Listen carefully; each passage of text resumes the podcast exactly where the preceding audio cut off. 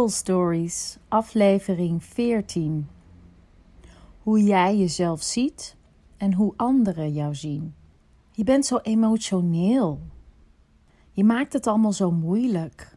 Je laat nooit wat van je horen. Waarom ben je altijd zo stil? Zeg eens wat.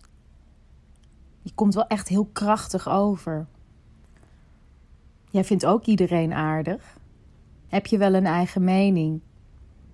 Waarom maak je alles zo ingewikkeld? Zo kan ik nog wel even doorgaan. De meningen van anderen ten opzichte van de mening of eigenlijk de visie die je over jezelf hebt. Dat kan namelijk wel eens verschillen. Hoe jij naar jezelf kijkt is vaak anders dan hoe anderen jou zien. Maar hoe dichter jij bij jezelf komt, hoe makkelijker anderen jou ook herkennen voor wie je werkelijk bent. Dus het ontdekken en herontdekken van jouw soul story is heel belangrijk in hoe jij je voelt in je dagelijks leven.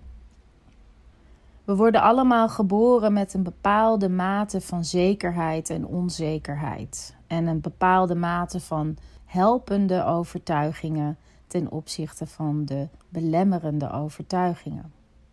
En als we aan onszelf gaan werken, dan worden we steeds meer onszelf. Dat wat we al waren, maar nu netjes opgebouwd, bewuster, consistenter, positiever misschien, krachtiger, omdat je al die inzichten hebt gekregen die je eerst niet had. Als we jong zijn, reageren we vaak reactiever.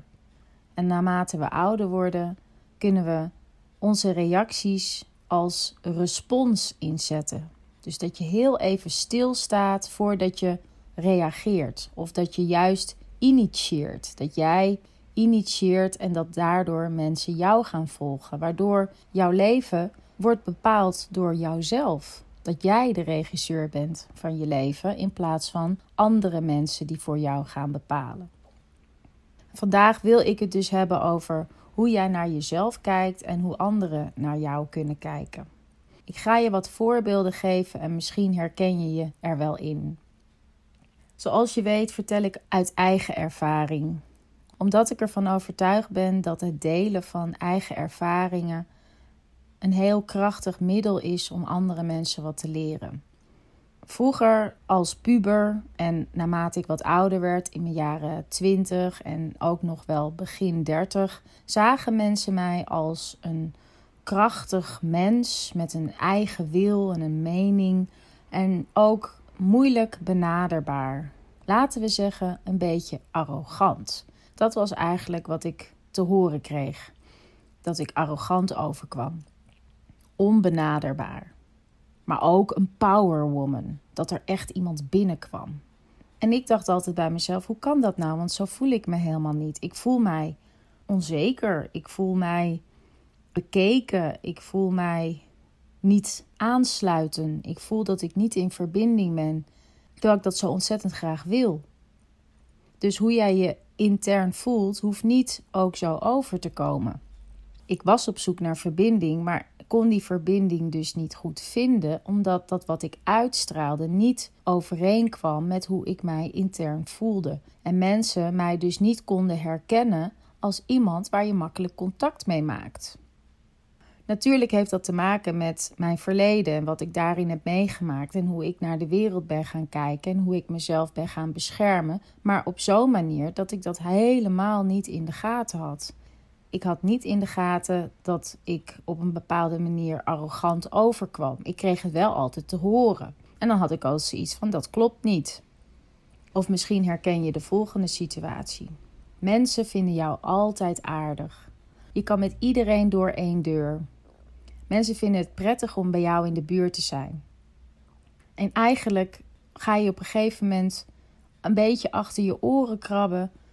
Wie ben ik in dit contact? Wat is mijn rol? Ben ik alleen aan het volgen, aan het faciliteren? Of mag ik er zelf ook nog zijn? En naarmate je daarachter komt, kan het zijn dat je in een weerstand komt naar de mensen om je heen. Dat je van je laat horen wat je eerst niet deed. Dat je je mening uit wat je eerst niet deed. dat je vaker een nee verkoopt terwijl het altijd een ja was. Dan kan het zijn dat de mensen om je heen jou op een gegeven moment niet meer begrijpen en dat er ruzies ontstaan. Want je was toch altijd zo aardig en je bewoog toch altijd zo lekker mee en altijd was alles toch goed bij jou. Hoezo doe je dan nu opeens zo moeilijk? En kan dat niet een beetje aardiger? In plaats van nee, bijvoorbeeld te zeggen: Het komt mij nu niet uit, maar zullen we het volgende week doen? Dat is lastig. Op het moment dat jij je grenzen gaat leren aangeven, dan kan het zijn dat die grenzen in eerste instantie heel bot uit je mond komen. Dat is omdat je het niet gewend bent voor jezelf op te komen, voor jouw behoeftes en jouw grenzen dus aan te geven. Dan kan dat voor degene met wie jij omgaat best wel koud op zijn of haar dak vallen. Dus die transformatieprocessen waar we doorheen lopen, ik als arrogant, overkomend persoon, die eigenlijk warm en betrokken en empathisch van binnen was, maar dat niet zo over liet komen, of de persoon die heel warm en empathisch overkomt, maar eigenlijk gewoon zijn grenzen niet goed weet aan te geven. En zo zijn er nog veel voorbeelden die ik kan geven. Die transformatie kan voor wat verwarring zorgen bij jouw omstanders, bij jouw vrienden, jouw familie, jouw collega's. En dan kan het zijn dat je een tijdje lang geen aansluiting vindt. En dat het misschien tijd is om van vrienden te veranderen. En dus als jij meer jezelf wordt, dan gaan de mensen die bij jou horen jou ook beter herkennen. Dan krijg je als het ware jouw bloedgroep mensen makkelijker naar je toe. Dan krijg je opeens vrienden die jou helemaal begrijpen. Dan krijg je mensen om je heen die jou zien voor wie je werkelijk bent. Dus niet de arrogante, maar de warm empathische. Of de persoon die met iedereen door één deur kan, maar diep van binnen ook zijn grenzen heeft. Dat jij na dit transformatieproces nog steeds goed met mensen door een deur kan, maar dat je daarin specifieker bent geworden. Dat jij je mensen wat beter uitkiest in plaats van dat de mensen jou uitkiezen. Dus wat ik je vandaag vertel is natuurlijk een wisselwerking. Dus aan de ene kant, hoe meer jij jezelf wordt, hoe meer jij je bloedgroep aantrekt. En aan de andere kant dat door een transformatieproces waar jij in zit, je soms mensen kunt afstoten en jij tijdelijk even je bloedgroep niet kunt vinden. Maar dat is echt tijdelijk.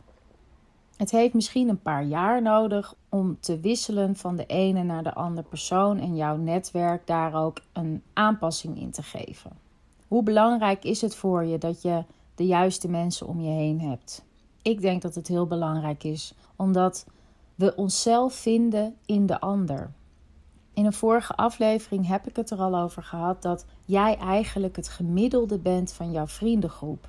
En dan kun je ook wel eens een tekening maken met jezelf in het midden en de namen van je vrienden om je heen, om te zien of dit nog in balans is. Klopt dit nog wel? Laten we nog heel even teruggaan naar een voorbeeld van mij. Vroeger had ik veel energieke, excentrieke mensen om me heen.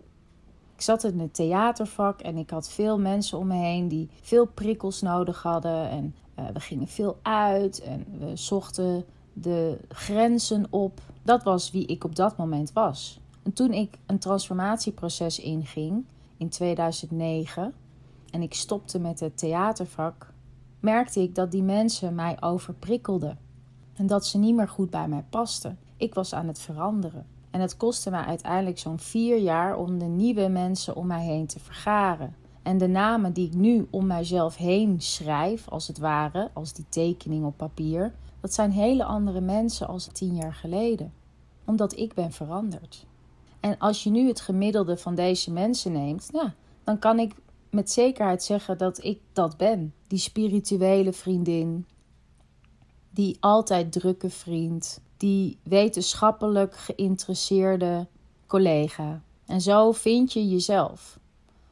Dus wat mijn les vandaag eigenlijk is, is dat op het moment dat jij te horen krijgt van andere mensen hoe jij in elkaar steekt, je dat niet per definitie wegwuift, negeert, maar dat je dat bekijkt vanuit een les, vanuit een kans om iets in jezelf te onderzoeken waar dat misschien vandaan komt. Dus in mijn geval, mijn arrogante blik kwam uit een zelfbescherming voort, uit mijn verleden. Die blik zorgde ervoor dat ik niet in verbinding kon komen, terwijl dat nou juist mijn grootste wens was. En zo kan het bij jou zijn dat je bijvoorbeeld heel vaak dingen doet voor een ander en dat je het heel erg druk hebt met andere mensen en daarin jezelf vergeet. Dan kan het dus zijn dat dat een kans voor jou is om meer aandacht aan jezelf te gaan besteden en dit te zien als een indicatie dat het niet helemaal in balans is. Dus voordat we mensen afwijzen omdat zij een mening over ons hebben, is het misschien een idee om het te zien als een indicatie om iets te leren over onszelf. Het is heel makkelijk voor andere mensen te vertellen wie jij bent. Maar er is maar één persoon die dat echt heel goed weet en dat ben jij zelf. Maak gebruik van deze podcastserie om jezelf beter te leren kennen. Mocht je het interessant vinden om de 21-daagse meditatie challenge te volgen, we zijn daarmee begonnen afgelopen week en jij kan nog steeds meedoen in je eigen tempo, in je eigen tijd. Want op deze manier in stilte ervaar je jezelf. Een mooie quote is dat eigenlijk meditatie jij bent. Jij in stilte. En daar is niks zweverigs aan. Vandaag in Soul Stories, aflevering 14, ging het over wie jij bent en hoe anderen jou zien. En de lessen die je daaruit kunt leren om sneller bij jezelf te komen en daardoor makkelijker in verbinding met anderen. Jouw bloedgroep, jouw soort mens die bij jou past, omdat ze jou herkennen voor wie jij bent, omdat je dat makkelijk kunt laten zien zonder beschermlaag. Soul Stories, aflevering 14. Awareness is my virtue and I'm grateful for the search to dive deep within my own mind and to trust the intuition of the lives I've lived before. This our essential form of gnosis. It's a simple form of freedom. It's as smooth as inhale.